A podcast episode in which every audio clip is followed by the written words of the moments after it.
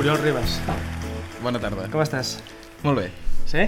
Sí, Tenia moltes ganes de, de fer aquesta entrevista, crec que pot ser molt divertida. a mi també em feia, feia molta gràcia, molta És il·lusió. la primera entrevista que et fan a la teva vida? No, No? de fet no. De fet fa... farà un anyet o alguna així, amb una cosa que ja parlarem després, però estava en una pàgina de, de memes Uh -huh. i... Que es deia?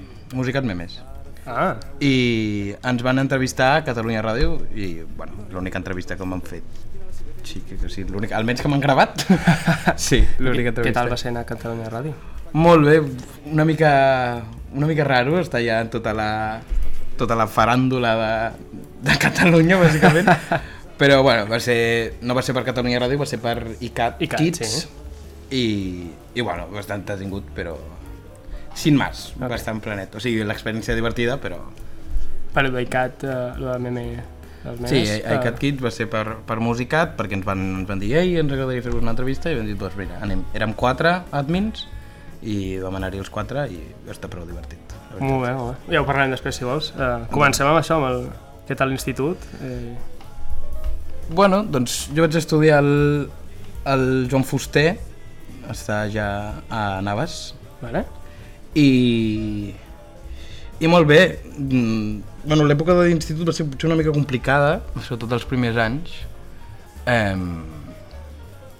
a més, jo quan vaig entrar a l'institut era com una persona molt baixeta, molt, bueno, no és que sigui una torre ara, entenguem-nos, però era una persona molt baixeta i, i ens vaig tenir certes complicacions al principi, eh? a nivell de... Està una mica cohibit només per l'altura, ten... bueno, continuo tenint cara de crio, tot i que estic a punt de fer 22 anys, Mm -hmm. però, però encara tenia encara més de crio, Quan els fas? demà mateix. Demà mateix? Evidentment. Estem al límit, eh? Al limbo. però, però sí, llavors va ser com... Em veia molt petit, sobretot físicament, i els primers anys va costar més, però després em vaig adaptar ràpid i ja està. I l'època, vaig tenir igual de llarga pràcticament l'època de l'ESO que de batxillerat, perquè sóc un doble repetidor, Va repetir tant primer com segon de com batxillerat? segon. L'únic que quan vaig passar, quan l'anava a repetir segon, havia de fer només tres assignatures, eh, em vaig canviar d'institut. Perquè estava bastant cremat, ja era el, el més veterà de tota l'escola en aquell moment, o sigui i em coneixien massa els professors, coneixia jo massa els professors, i a les que havia de repetir just els professors era com els que mm, menys bé m'hi portava, i vaig dir, un canvi d'aires no m'anirà gens malament. I vaig passar al Carrasco i Formiguera, que és un institut que hi ha a Passeig Maragall, a, passat als 15. Mm -hmm. Perquè I bueno. vas canviar d'institut però va ser per algun problema en especial? No, bueno, o- per, perquè m'havia cremat, perquè era el vuitè any al mateix institut, Sí, sí. a més era ja claustrofòbic entrar, perquè, bueno, no és fàcil repetir i quan ja has repetit una vegada a la segona i et fots com l'hòstia també, sí que vaig tenir temporades que era una mica pàjaro, però bueno, jo crec que el problema que vaig tenir a batxillerat és que jo a l'ESO no estudiava, gens. No m'havia trobat mai amb la necessitat d'estudiar, llegia les coses els dies abans i ja està. I tenies que vaig... Sí. I sobretot els primers anys tenia bones notes, després al quart potser vaig tenir una mica més complicació amb mates i francès, perquè tocó.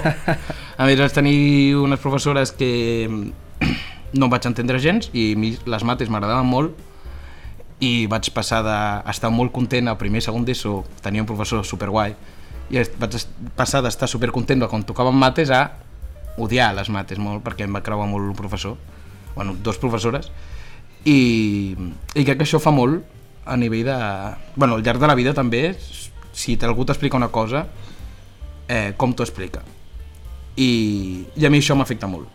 I jo m'ho he notat molt, també a la universitat també m'ho he notat, quan he tingut profes més proactius amb els alumnes, m'ho he notat molt també, de, que em va millor l'assignatura perquè també estic més motivat per l'assignatura. Si em crea el professor un interès.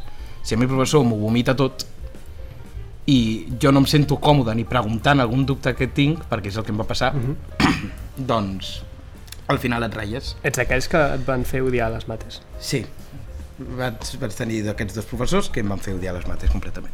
I llavors, quan vas entrar al batxillerat, eh, Quan vaig entrar al batxillerat, al principi la meva idea a l'inici de batxillerat era anar a fer periodisme. vale? A l'inici de tot, eh? Però la idea de ciències polítiques, que suposo que ja en parlarem més endavant, però Sí. és la carrera que estic cursant ara mateix, eh, ja sortia una mica. Però la idea bàsica era fer periodisme perquè sempre m'ha agradat molt escriure i tal, i vaig pensar, el periodisme és una, una bona idea. I mm, doncs vaig anar al, pel social el primer any de batxillerat i vaig veure que mm, no, de que les mates potser no era el millor. Total, que vaig passar, quan vaig repetir, em vaig passar a llatí. I vaig canviar eh, economia, que també feia primer, que crec que l'havia provada, però no acabava de motivar, que economia després m'he trobat que la necessito molt a ciències polítiques, però m'agrada molt més l'economia que, Que faig, que s'explica a ciències polítiques a la uni, que no al, al batxillerat, que és com el que t'ha d'entrar per temari per entrar a qualsevol lloc que vulguis necessitant econòmiques, Uh -huh. i ens necessites allò i foten allà, que a mi aquestes coses potser no m'acaben de servir i que al final al llarg del temps també he anat aprenent moltes coses de- d'economia del batxillerat i ara no, no he necessitat cap reforç d'economia per fer economia i no em va malament al, a la universitat i, i això ja em vaig canviar i en comptes d'economia vaig fer eh, literatura i per tant vaig passar completament a l'humanístic Ok. i bueno i vaig fer el meu segon primer de batxillerat i va anar bé, vaig passar eh, vaig haver, clar, vaig presentar el TR jo fent primer de batxillerat El TR que es fa a segon de batxillerat. clar, però el comences, a, el, el comences Ah, a preparar clar, vale. primer Clar, però jo el vaig presentar quan jo encara feia primer de vale, batxillerat Sí. i bueno, no me'l vaig currar gaire, la veritat, uh Mhm. -huh. siguem sincers, ho vaig acabar bastant a l'últim moment, vaig treure un set, que ja em va anar bé i ja està. Però Escolta, com, com et senties el fet de, de repetir, fer 4 anys de batxillerat quan en realitat són dos? Com, com et senties? Uf, doncs, sobretot el primer any, quan vaig repetir primer per primera vegada, bueno, per primera i única vegada, eh, va ser molt complicat, va ser molt difícil, eh, perquè tenia com la sensació de allunyar-me molt dels cercles d'amistat i em feia bastant pànic en aquell moment de com en la meva zona de confort que era l'institut perquè tenia aquells cercles doncs d'aquells cercles de cop marxaven coneixia gent del, amb els que aniria l'any que ve Uh -huh. però tot i així era com uf i vaig notar, clar, jo vaig continuar fent primer i ells van començar a fer segon que ells van, van estar preparant la CL i tal i era com, no, no podem quedar, no sé què, perquè estem preparant la CL, no sé què, tenim molta, molta feina, som de batxillerat i era, era complicat. Però vaig ser un grupet molt guai um, el, el de l'anterior que és ara un dels grups d'amics més propers que tinc Uh -huh. i, i molt guai. I a més vaig, hi havia un noi que també va repetir que estava, no ens portàvem massa abans ens coneixíem perquè teníem amics en comú i ens vam fer molt quan vam repetir perquè va ser com vam ser el suport mutu Exacte. i això ens va apropar un munt i ara som, bueno, podria dir que fàcilment és dels meus millors amics Carai. i va anar molt guai I el fet que et tornés a passar a repetir segon també? Eh, Bueno, però que jo ja m'ho vaig prendre amb una filosofia de vida diferent. Vale. De... és a dir, no et vas enfosar encara més. No, quan em vaig enfonsar més va ser la primera vegada. La segona, evidentment, fa mal sí. repetir i és... Notes com els de la meva edat ja estan molt més avançats, començaran ja estan ja a la carrera i continuen avançant i jo m'he quedat estancat aquí i és una merda. Però però tot i així va ser diferent. A més em vaig canviar d'institut per això, per trencar amb aquesta dinàmica destructiva uh -huh. que hi havia dintre l'institut. I, i al nou institut que vaig anar em vaig sentir, quan vaig arribar, bastant gran, la veritat, perquè era dos anys més gran que la resta de gent d'allà, però vaig tenir molt suport, o sigui, amb el que vaig fer més grup va ser amb les noies d'allà, perquè realment vaig notar això sempre que es diu de que les noies són més Sí, madures sí, i sí. tal, i tu potser quan estàs amb la teva edat No ho notes tant. no ho notes tant, però quan vaig arribar allà era com, hòstia, és que aquests són uns crios Uh -huh. quan després quan van avançant el temps el vaig anar coneixent més i vaig veure que no, no tant però la primera impressió és com aparta-te i em, vaig, em van acollir molt, molt bé les noies d'allà que encara tinc una mica de contacte no ens veiem gaire per X o Y Uh -huh. però, però bé, però molt guai I després la selectivitat, què tal?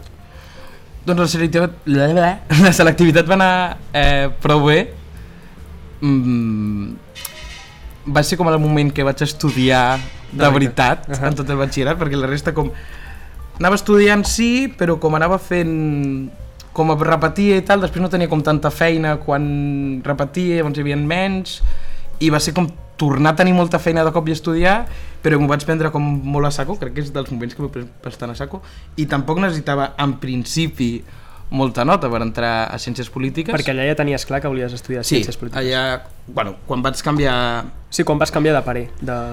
doncs a meitat de primer de batxillerat, de, del meu primer primer batxillerat, més o menys vaig començar a canviar i vaig tenir com definitiu, quan vaig repetir i em vaig canviar a l'humanístic, ja era com per fer polítiques, a més ja m'havia mirat ja ponderacions i tot això, i em veia que ja t'hi em ponderava i tal, i doncs vaig trobar una bona opció, i a partir d'allà mm, doncs estava, ja anava clar a polítiques, ho sabia perfectament.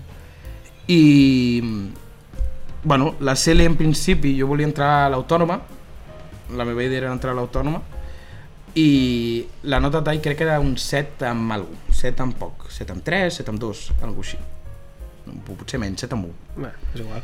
I què va passar? Jo vaig ser la CL el 2018, Uh -huh.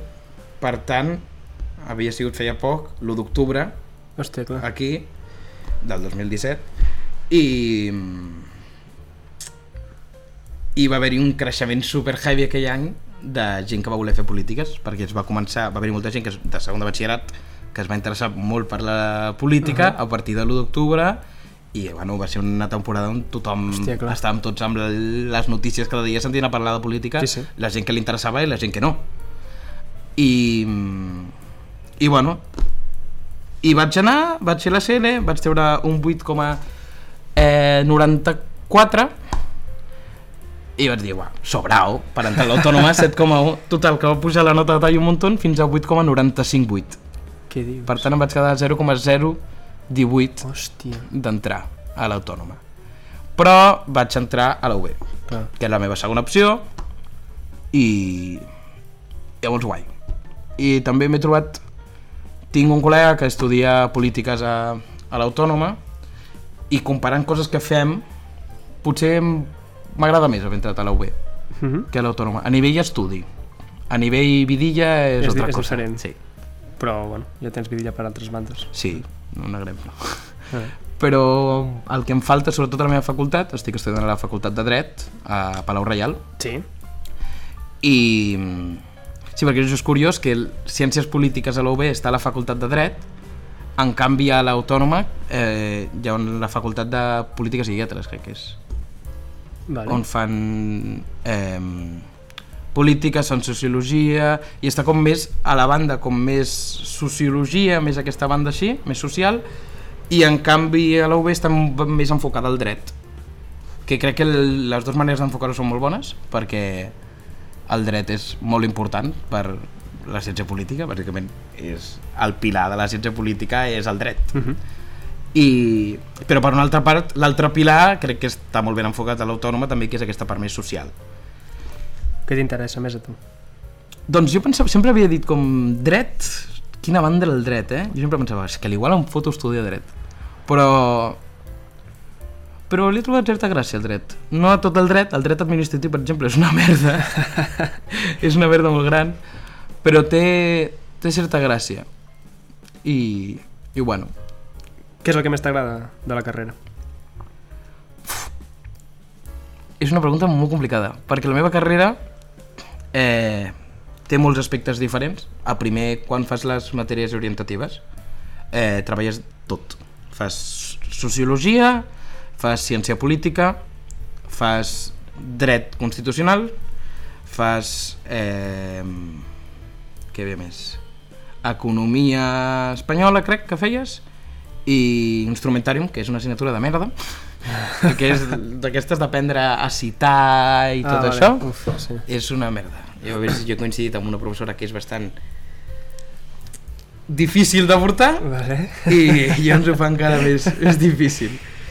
Però, però sí, hi ha molts àmbits a la meva carrera i després fas també passes a fer coses d'estadística, mm, fas teoria política, que és una teoria política que és més com filologia, ai, filosofia política, perdó, i aquestes parts m'agraden molt i també l'economia també t'he trobat la certa gràcia, tot i que al batxillerat vaig apretar-me molt, però, però també l'he trobat.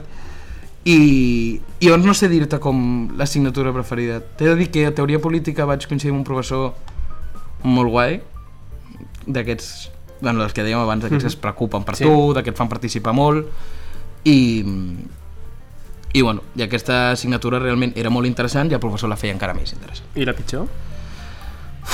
La pitjor... Jo crec que instrumentàrium, aquesta que t'he dit, del citar i tot això, No per és com dificultat, tècniques sinó- d'escriptura o així, però li hem posat instrumentàrium de nom, no sé per què, s'ho han inventat. No per dificultat, sinó perquè es fa pesada.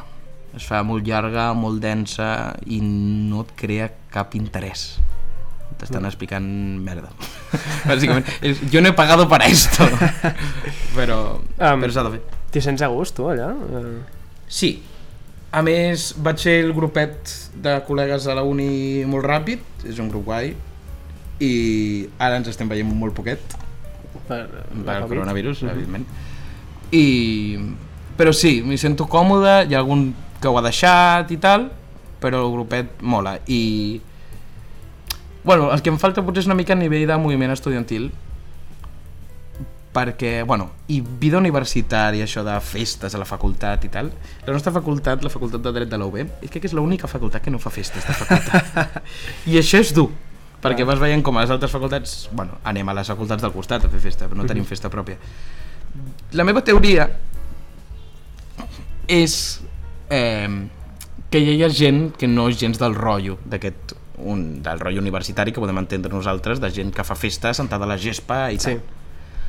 Eh, perquè hi ha com molta gent diferent a la meva uni. Ha des del más pijo al más tirao. Vale. Exagerat. És una mica com el Parlament, no? Eh, Sí. Sí, de Vox a la CUP, ja, una mica, sí. I, I bueno, jo pensava sempre, la gent pensa que com a ciència política, que hi ha com molta gent d'esquerres i això és mentida. Això és... A la ciència política també hi ha molta gent de dretes i, i conviuen amb gent d'esquerres també, però com, no sé, molta gent és, ah, bueno, ets de política, suposo que estaràs d'esquerres, algun moviment estudiantil, aquests revolucionaris i tal I no, i no necessàriament. Teniu sí que moltes- hi ha molta gent, hi ha més gent més d'aquest rotllo d'esquerres a polítiques que a dret, per exemple, però a dret també n'hi ha d'aquesta gent.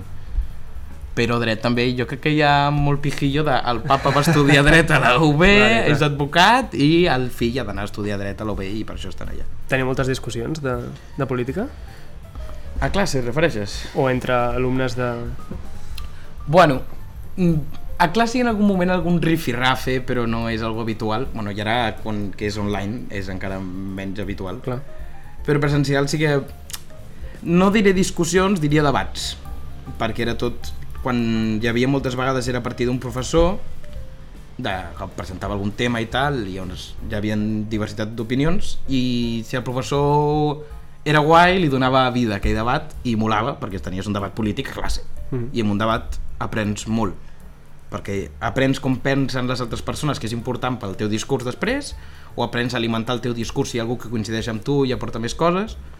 I, i això guai. Després no he parlat tant de política com he parlat amb els meus companys. Era quan sortíem de, de la classe moltes vegades anàvem al bar i en comptes de parlar de la nostra vida i tal moltes vegades estàvem allà de, De política. de política, de parlar de...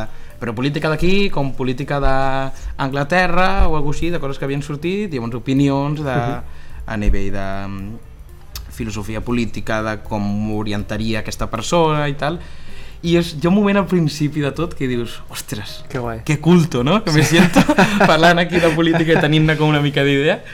Eh, però està molt bé i bueno, vas coneixent també la gent i crec que vas aprenent en el mateix cercle aquest de col·legues, no tots tenim la mateixa eh, orientació política. I vas aprenent com a conviure també amb, amb diversitat, la majoria som d'esquerres, eh, però vas aprenent a viure amb aquesta diversitat perquè, perquè existeix. I moltes vegades hi ha molta gent que té un rebuig molt gran quan algú no coincideix molt amb la seva manera de veure la política i jo crec que aprens això també, el conviure amb tanta gent que té opinió política, perquè hi ha molta gent amb la que convius que no té una opinió política, però en canvi si pot ser que no estiguis acabat de formar, jo crec que no soc una persona que de moment tinc certa opinió política però m'he d'acabar de formar per enriquir el meu discurs i els meus coneixements sobre el tema. Però la tinc perquè, uh, perquè sí, l'he de tenir després de menjar tanta política al final la tens i, i bueno, i llavors aprens a conviure com amb això i això és guai Ha canviat la teva opinió política des de que Oh. hi has entrat? O la teva manera de veure el món? eh? mm, canviar no no fer un canvi radical però jo crec que he après a ser crític he après a ser crític amb moltes coses que abans no ho era tant i això m'agrada crec que cultivar un discurs i una, i una manera de pensar crítica és molt interessant i molt important a nivell de ciència política i això crec que m'ha ajudat la universitat i el conviure amb, amb tanta gent T'atreveixes a posar-te en el debat de què està passant a Catalunya els últims anys? Puf. Sí, eh, una mica per sobre, ni que sigui? És un debat bastant complicat de portar. um, bueno, ara mateix que estem veient que el moviment independentista està completament paralitzat pel coronavirus. Mhm. Es veu a les manifestacions que s'han convocat i tal que hi havia molt poca gent. Evidentment hi ha un certa por al respecte. I, i l'altra part que el coronavirus ha activat és el tema del dubte de realment funcionaria una Catalunya independent perquè sí que hi ha una part de que s'ha demanat des del govern de eh, més autonomia per Catalunya per combatre això, perquè vivim aquí la realitat però quan han tingut la possibilitat ho han fet bé jo crec que el debat que està obert ara mateix és aquest Vale. a nivell mm, a nivell de si funcionaria un, un país independentista i jo crec que és algo molt... Vull dir que podríem fer un podcast només parlant d'això. Només parlant d'això. vale, vale. Només parlant d'això perquè és un tema molt extens i... Bueno, jo crec que també una de les coses molt importants és el creixement de la, de la ultradreta, de Vox, mm, a partir del nacionalisme, perquè encara que moltes vegades es parli de nacionalisme català, hi ha algú que és obvi, que és el nacionalisme espanyol, que també existeix. Quan es parla dels partits polítics de Catalunya, es parla moltes vegades de los partidos nacionalistes, Mhm. i ens parlen dels partits independentistes, però estan obviant l'altra part de que la resta de partits que no són els independentistes catalans són també nacionalistes espanyols, Mhm. però tenen una filosofia nacionalista, vulguis o no. I, i bueno, crec que... Uf, és que... és que no sé ja més què dir-te perquè Vale, seria igual, molt llarg. igual. Um, però t'agradaria posar-te en política, tu? Uf. És a dir, et veus quan hagis acabat la carrera entrant, Què entenem com a posar-nos en polític? a, entrant a algun partit polític, al Parlament, a qualsevol àmbit... Eh... Mm, és algo que és bastant complicat, Per perquè, bueno, sobretot si no milites a, a cap lloc, perquè la majoria de partits polítics funcionen amb...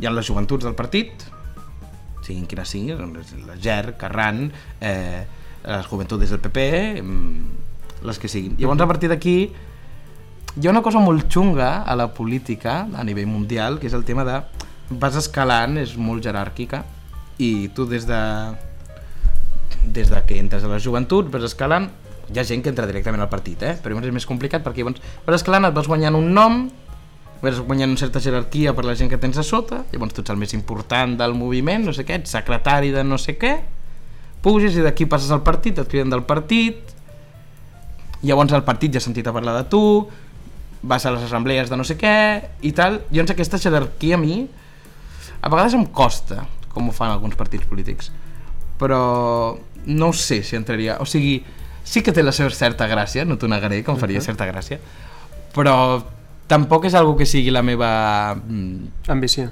ambició principal. Llavors ara molta gent em pregunta també de és una pregunta molt habitual per la gent que fa polítiques és ai, seràs polític o seràs president? Vale. I clar, jo crec que moltes vegades sí que és cert que estudiant política pots arribar a, a llocs de de poder de política, ja sigui diputat, ja sigui el que sigui, però si tu t'hi fixes a la majoria de diputats, mm, de senadors i coses així que hi ha a nivell de... És que no crec que te'n vagis molt lluny, a política catalana, veus que la majoria no han estudiat ciència política. La majoria han, han estudiat mm, administració d'empresa o dret. Relacions laborals, coses així. Mhm. La majoria estan econ econòmiques i dret.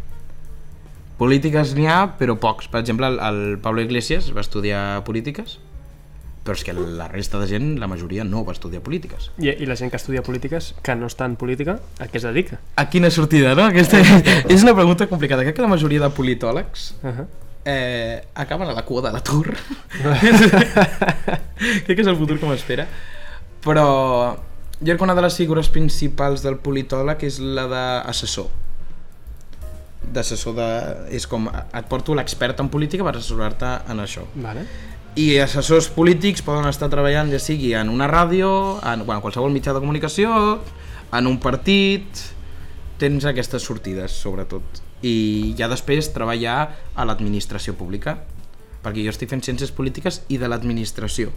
I a l'autònoma és eh, ciències polítiques i gestió pública. Ciència política i gestió pública. I llavors, ja aquesta part no és política sol, també ja fas molta part d'administració que potser a vegades al principi costa una mica més i fa una mica de pal i no entens el per què, però després li trobes tot el sentit. I les sortides de ciència política és algo com que ni els estudiants de ciència política tenim massa clar. És a dir, no saps a què t'agradaria dedicar-te encara. No tinc un, una idea claríssima de què m'agradaria dedicar-me, no. Però de moment jo amb la carrera estic content, sí, és veritat que he tingut bajones de esto no lo mío, lo dejo, Uh -huh. però de moment estic content perquè estic estudiant algo que m'agrada com per primera vegada, després de fer 4 anys de batxillerat he triat algo que realment m'agrada i puc estudiar-ho i que m'interessa no tot, hi ha classes que són una merda i que me les miro bueno, ara, ara te les mires perquè ara no vas, ara te la mires i estàs allà, bueno, pues s'haurà de fer, vaya merda, i s'haurà de fer. I llavors tens... Jo he tingut moltes èpoques de estar com dues setmanes, tres setmanes ratllat de ho deixo, estar tres setmanes encantadíssim pel que estudio, dues setmanes ratllat, una setmana bé, una altra setmana ratllat, vas fent molt així, almenys jo. I Però- què t'ha- motivat a continuar? Doncs crec que quan estava com més bajona... Bueno, una part és la part econòmica, Vale. perquè és com, sí, ya lo he pagado, de moment vamos a darle tiempo, i llavors aquí ja et tornes a enganxar en algun moment de, uah, que guai això, Vale. i, i això mola. Crec que també té molt a veure amb els professors, perquè si jo tots els professors de merda que he tingut a la uni els tingués junts en un mateix eh, semestre, fos un semestre de mm, 5 assignatures a 5 professors que no motiven gens de classes tostón, m'hauria cansat i crec que hauria deixat. Però com he tingut la sort de tenir profe tostón, profe guai, profe tostón, profe guai, doncs aquí seguimos. I estudies molt, que has dit que de petit a l'ESO no estudiaves eh, gens, eh, Bueno. o gaire. Ara... A mi em costa això de, de tancar-me i estudiar molt. Al nivell de... El típica forma d'estudiar que et diuen de, doncs ara prens apunts, et fas un resum, no sé què i tal, ara subratlles. Em costa ficar-m'hi, sobretot, que quan ho he hagut de fer, ho he fet, i altres vegades no ho he fet tant.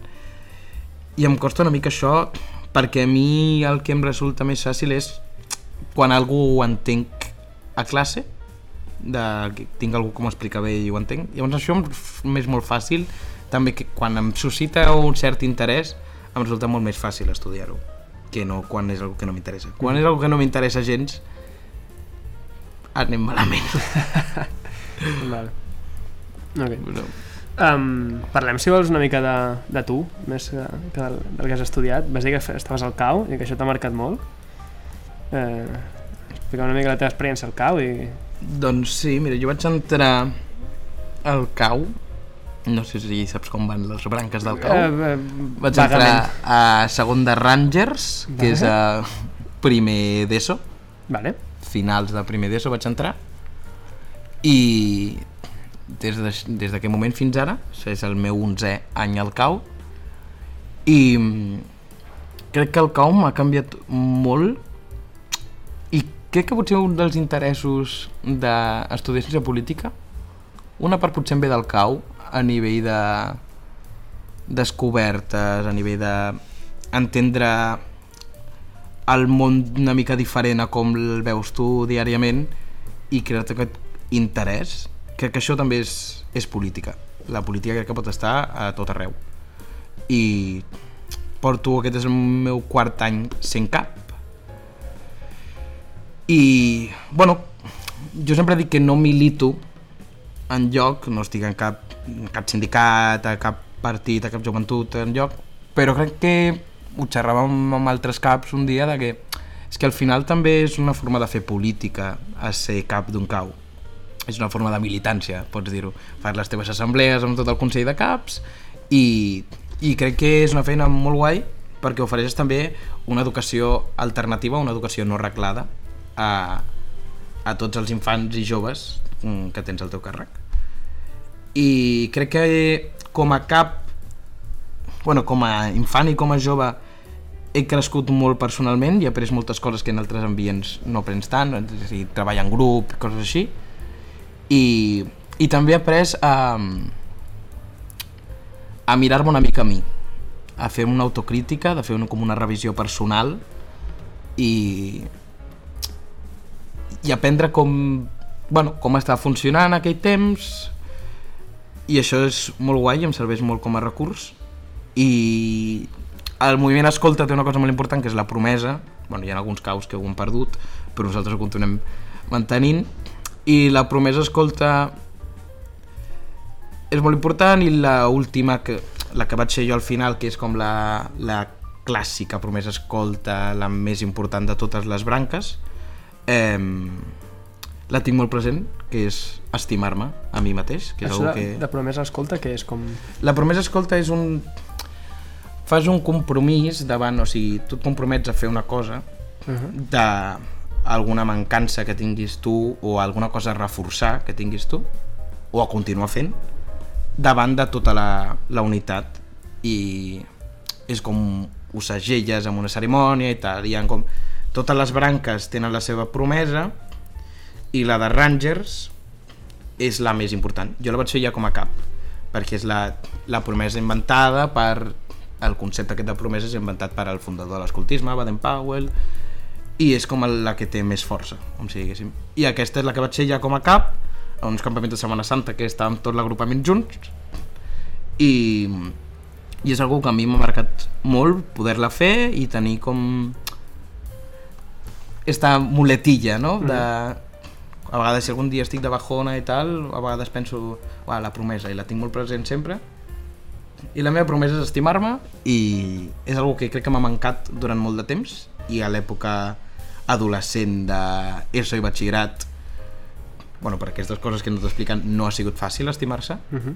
eh, i bueno llavors jo crec que és guai mm, aquesta part i aquesta és la part com que m'ha fet més créixer a mi i també aprendre a treballar amb criatures i veure que també l'aprenentatge amb, amb infants i joves no és vertical és completament horitzontal. Aprens un muntó d'elles de maneres de fer de el que sigui, de que cop tenen un crió que tu pensaves que molt petit i tu dius "Uah, és que no, no sabran res i tenen un muntó d'idees i et deixen al·lucinat al principi. Uh -huh. i això és molt guai i jo amb el cau estic molt ficat i em costarà deixar-ho en algun moment ho hauré de deixar perquè no puc dedicar-hi tota la vida. I roba molt de temps la veritat. I no és fàcil compaginar-se tot amb uni i ara estic treballant també i al cau. És complicadet però bueno, anem fent. I um, relacionant els dos conceptes de polítiques i, i tractar amb nens, eh, notes algun tipus de, això que es diu sempre de l'adoctrinament?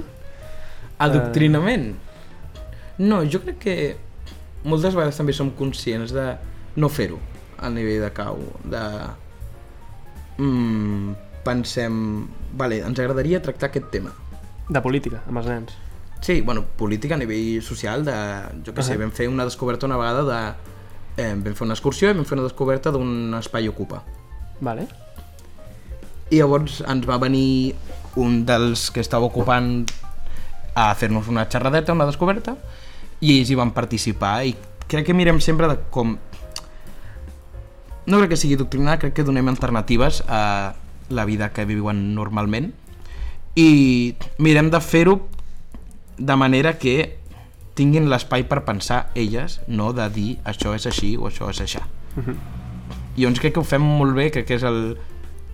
la majoria de caus que conec fan servir com aquest mètode de, bueno, doncs potser volem parlar del capitalisme ara i de coses alternatives que poden haver-hi del ca- capitalisme perfectament factibles. Vam anar l'any passat vam anar de campament de Setmana Santa tot l'agrupament a una masia a Valls, Campi Primosca, és una masia autogestionada i fan xarxa entre les masies del, del costat llavors surten com del comerç reglat capitalista Vale, i de la sí. forma de, de fer capitalista i llavors l'home que hi havia allà que ho porta, en Pere, ens va explicar com les coses que feia ell i els, els més petits fins i tot ho van entendre que és, sembla curiós, no? Et dius com, això ho entendran com els més grans, uh. -huh. els que estan ja tercer de l'ESO, pioners però en canvi els, a vegades feien reflexions molt diferents, els més xiquis que dius, hòstia, doncs li ha quedat ha fet una reflexió molt heavy de mm, no t'ha dit ningú però està dient, bueno, doncs m'he fixat que, no, que potser no cal anar al súper per tenir les albergínies que mm, podem tenir un hort i el podem treure nosaltres Mhm. és, ostres, és la seva reflexió a nivell de que mm, té 7 anys Clar. i després el més gran mm, dirà farà una reflexió més de Uah, és que vivim en un món supercapitalista no sé què, quan es demostra que podem viure fent xarxa nosaltres sense haver-hi aquest intercanvi de monedes perquè els pagesos d'aquella zona fan intercanvi de mercaderia Uh -huh. i ells, al Pere li sobraven avellanes i els intercanviava per calçots Vale, és un bon canvi. és un bon canvi, jo també el faria avellanes per calçots sí. però sí Molt bé. Um, I, hòstia, fotent, fotent el cau i, i la uni, eh, tu has treballat a més a més a part d'això. Jo ara estic treballant de monitor de menjador, aquí a una escola a prop d'aquí, i mm, vaig començar el gener de l'any passat. Em, I clar, va arribar... El, dos anys. no, el gener del... No, perdó, el gener d'aquest any. Ah, d'aquest any, no. Sí, del curs passat volia dir. Vale, vale. I, mm, I va arribar el coronavirus al març i vaig haver de marxar allà, gràcies a Déu que vaig cobrar ERTE. però però m'agrada molt estar amb crios, m'he donat també... Ja ho veia al cau, però ara potser amb l'últim temps, des que vaig començar a currar, m'he donat que també se'm dona bé, fora de ser cap, també treballar amb crios. I m'he plantejat deixar la carrera no, però potser més endavant estudiar, una vegada acabada la carrera, estudiar pedagogia o, o educació infantil o alguna així. No ho sé, no prometes res, no? no ho tinc clar, però que m'agrada, ho tinc claríssim i, i crec que se'm dona bastant bé. A més, va haver-hi... Eh, vaig estar xerrant amb un noi que estudia pedagogia, de, que era company meu a la feina, que ara ha marxat aquest any, Mhm. però era el que portava la meva cla la classe que portava jo abans de que jo arribés i va haver un dia que vam fer una cerveseta i vam estar xerrant de, de la classe, dels crios i anava jo xerrant i anava fent com una anàlisi dels crios no de... és mogut no, anava fent com una anàlisi més de home, doncs aquest té això perquè necessita cridar l'atenció perquè moltes vegades no li fan cas i li manca això, li sobra això l'altre. Mhm. i el col·lega aquest em va dir com uau, mm, Ens no, no, sí, no, no t'has no plantejat mai estudiar alguna cosa així? Perquè se't dona bé no tens estudis sobre això però saps fer una anàlisi. Vull dir, jo que estudio t'has dit dient que sé fer una, saps fer una anàlisi eh, bastant adequat sobre el, el tema. Llavors aquí Bueno, doncs se'm va crear com encara més interès a partir d'aquest comentari mi se'm va, va semblar molt guai aquest comentari ja em va crear com aquesta càrrega positiva de saps fer alguna bé que sempre, sempre està bé rebre-ho xute, sí. Sí. I, I bueno, jo molt motivat amb els meus crios que costen una miqueta, són de quart de primària i a vegades tenen moments mogudets, però... T'identifiques amb alguns nens de quan tu eres petit? Sí, sí, sobretot amb una que és molt lenta menjant i, i el menjador era un cargol total. Llavors m'identifico molt amb aquesta i sóc molt bo amb ella perquè em sento molt identificat. La veritat que sí. I, i bueno, i va, crec que estic fent una feina pedagògica guai amb els crios aquests i estic veient millores i sobretot crec que m'estan agafant molta confiança i crec que això és molt important també amb aquesta edat i ara mateix no ho estan passant gens bé aquestes criatures perquè anem a parlar clar, el coronavirus és una merda tinguis l'edat Mhm. que tinguis si ets mm, iaio perquè la pots dinyar eh, si ets un pare de família de crios petits mm, si tens ara teletreball ara no aquí, ara no puc deixar-lo amb ningú perquè Mhm. no anem a evitar el contacte amb altra gent també és una merda si ets un jove ho estem vivint nosaltres Què m'has de dir? Trobem a faltar moltes coses, a ser sincers, I, i sent un criu, crec que se'n parla poc, perquè no tenen veu, moltes vegades, a les criatures. Em, però les criatures no estan passant gens bé, perquè també a l'edat quart de primària corres, jugues, vas ara amb un grup, ara amb l'altre grup, toques, llepes, mm, fas de tot, i ara tenim al pati amb el nostre les cordetes separant perquè no es mm, barregin amb un altre grup bombolla i ho estan passant realment malament alguns i bueno, i no és fàcil treballar en aquestes condicions crec que la feina de monitor de menjador a vegades mm, no està com ho diria no està tan ben vista com realment la feina que és Vale. em refereixo És, Perquè- Perquè... és més xula del que sembla, per. Sí, no, i no només que és més xula, crec que és més feina del que sembla. I no dic que to, tots els monitors es currin amb els seus infants, hi ha gent que hi ha monitors que van al menjador, vinga menja, se'ls porten al pati i me'l pujo a la classe i ja està, però que hi ha molts monitors que fan una feina pedagògica que no està mm, visualitzada, diguem-ne Vale. i, i ara tenim l'extra de feina de vigilar els crios que no es llepin la cara i es passin el Covid i i bueno, doncs crec que això és que no sé per què la feina de professor està molt ben vista tothom reconeix tota la feina que Sí. fa un professor jo no dic que no sigui bona feina eh? però en canvi la de monitor de menjador ningú hi pensa mai i crec que és una feina molt essencial també perquè bueno, és una part que els professors no estaran allà i llavors és com la part de monitoratge eh, però crec que també sobretot si t'esforces crec que és una feina que es pot fer o molt bé o la fas bé aire, Exactament. ja està però crec que, no sé T'ha ajudat el cau, per això. sí, aquesta- evidentment, La vas evidentment. trobar pel cau? Com la vas trobar, aquesta feina? Doncs mira, va ser, vaig fer el, el curs de FOCA, que és la formació de CAPS que ofereix Minyons, Vale. Eh, i una de les companyes d'allà, que ja ens coneixíem del barri i tal, eh, va dir un dia per un grup d'aquests de, de FOCA de WhatsApp, va dir Ei, algú li interessa una feina de monitor menjador? I vaig dir ràpid, jo! Vaig enviar el currículum, em van trucar aquella mateixa tarda, em van enviar un correu aquella mateixa tarda, vam concertar una entrevista i el dia següent de tenir feina. Hòstia, que ràpid. Sí, vaig, bon, molta sort vaig tenir, eh? Havies treballat abans? De... De monitor de menjador havia fet eh, tres substitucions a la meva antiga escola primària i ja està. I m'havien dit que em trucarien més i no m'han trucat més. Però Bueno, típic. bueno, ara ja tinc la feina, sigui que ara Sí, ja sí. no m'importa. Però... A part de monitor sí. de menjador, has tingut més feines? Doncs vaig estar treballant quatre mesos a Correus. Vale. Eh, Com és això? Doncs...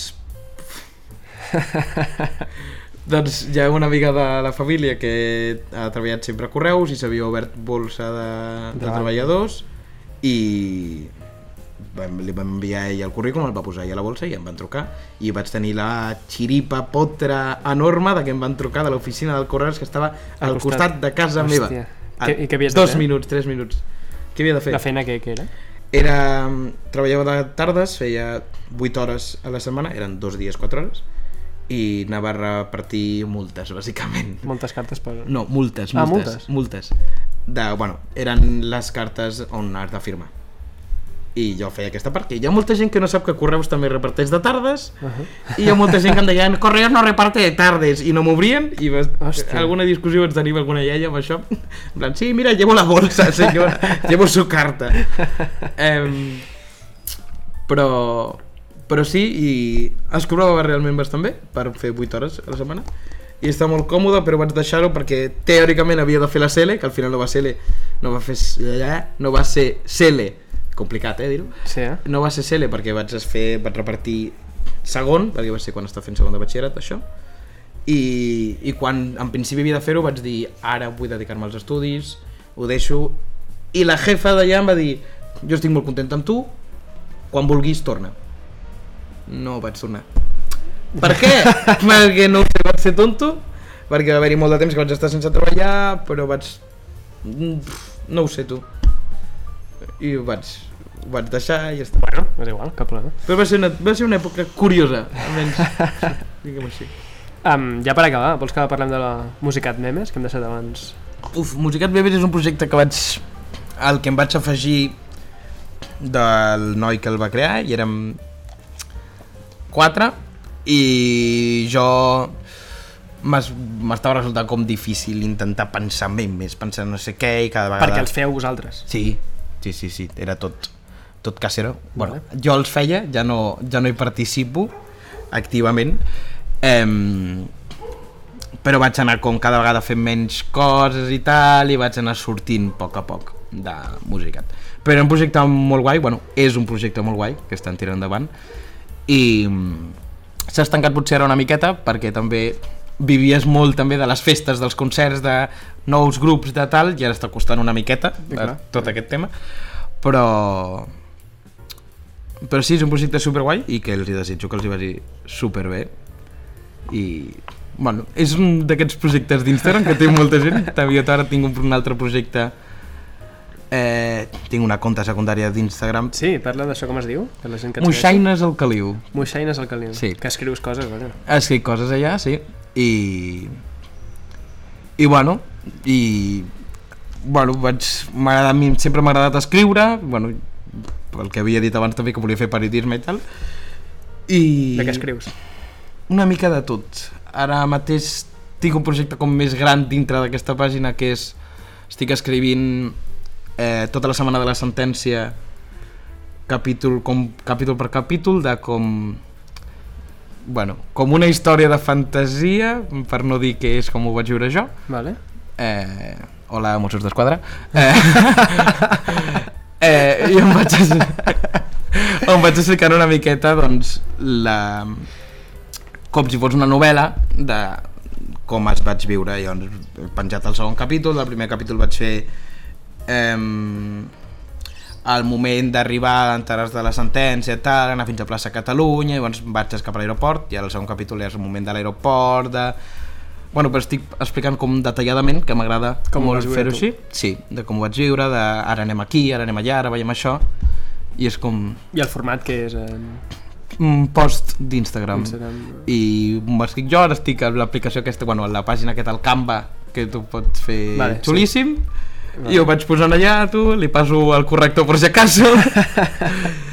I bé, i llavors molt de temps, jo escrivia moltes coses quan, per mi, me les escrivia, quan moltes vegades em va bé per desfogar-me o per ordenar-me les idees.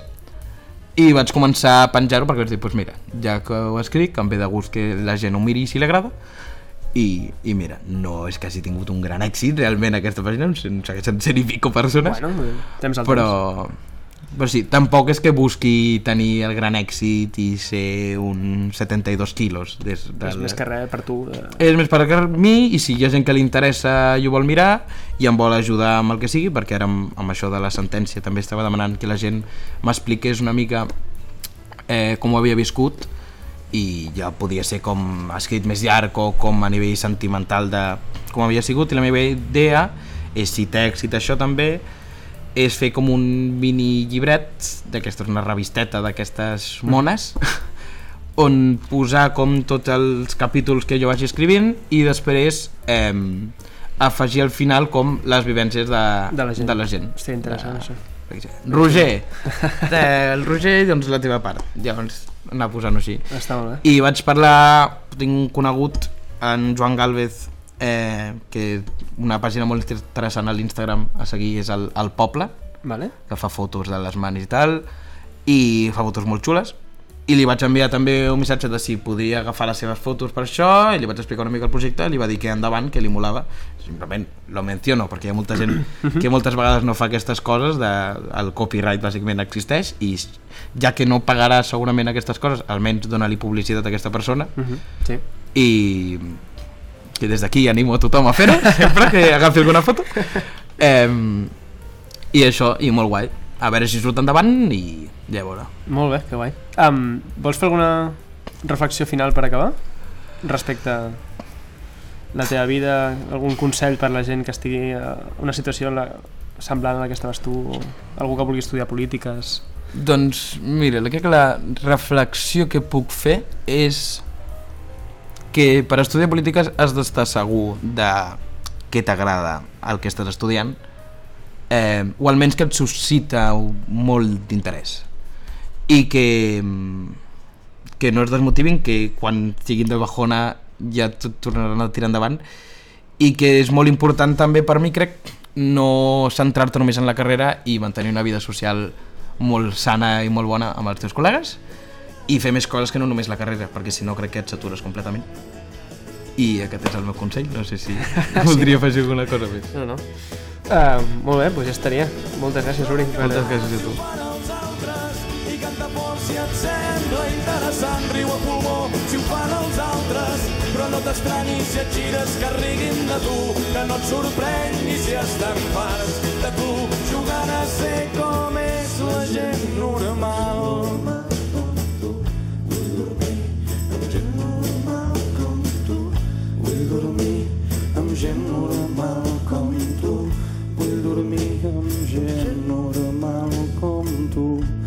dormir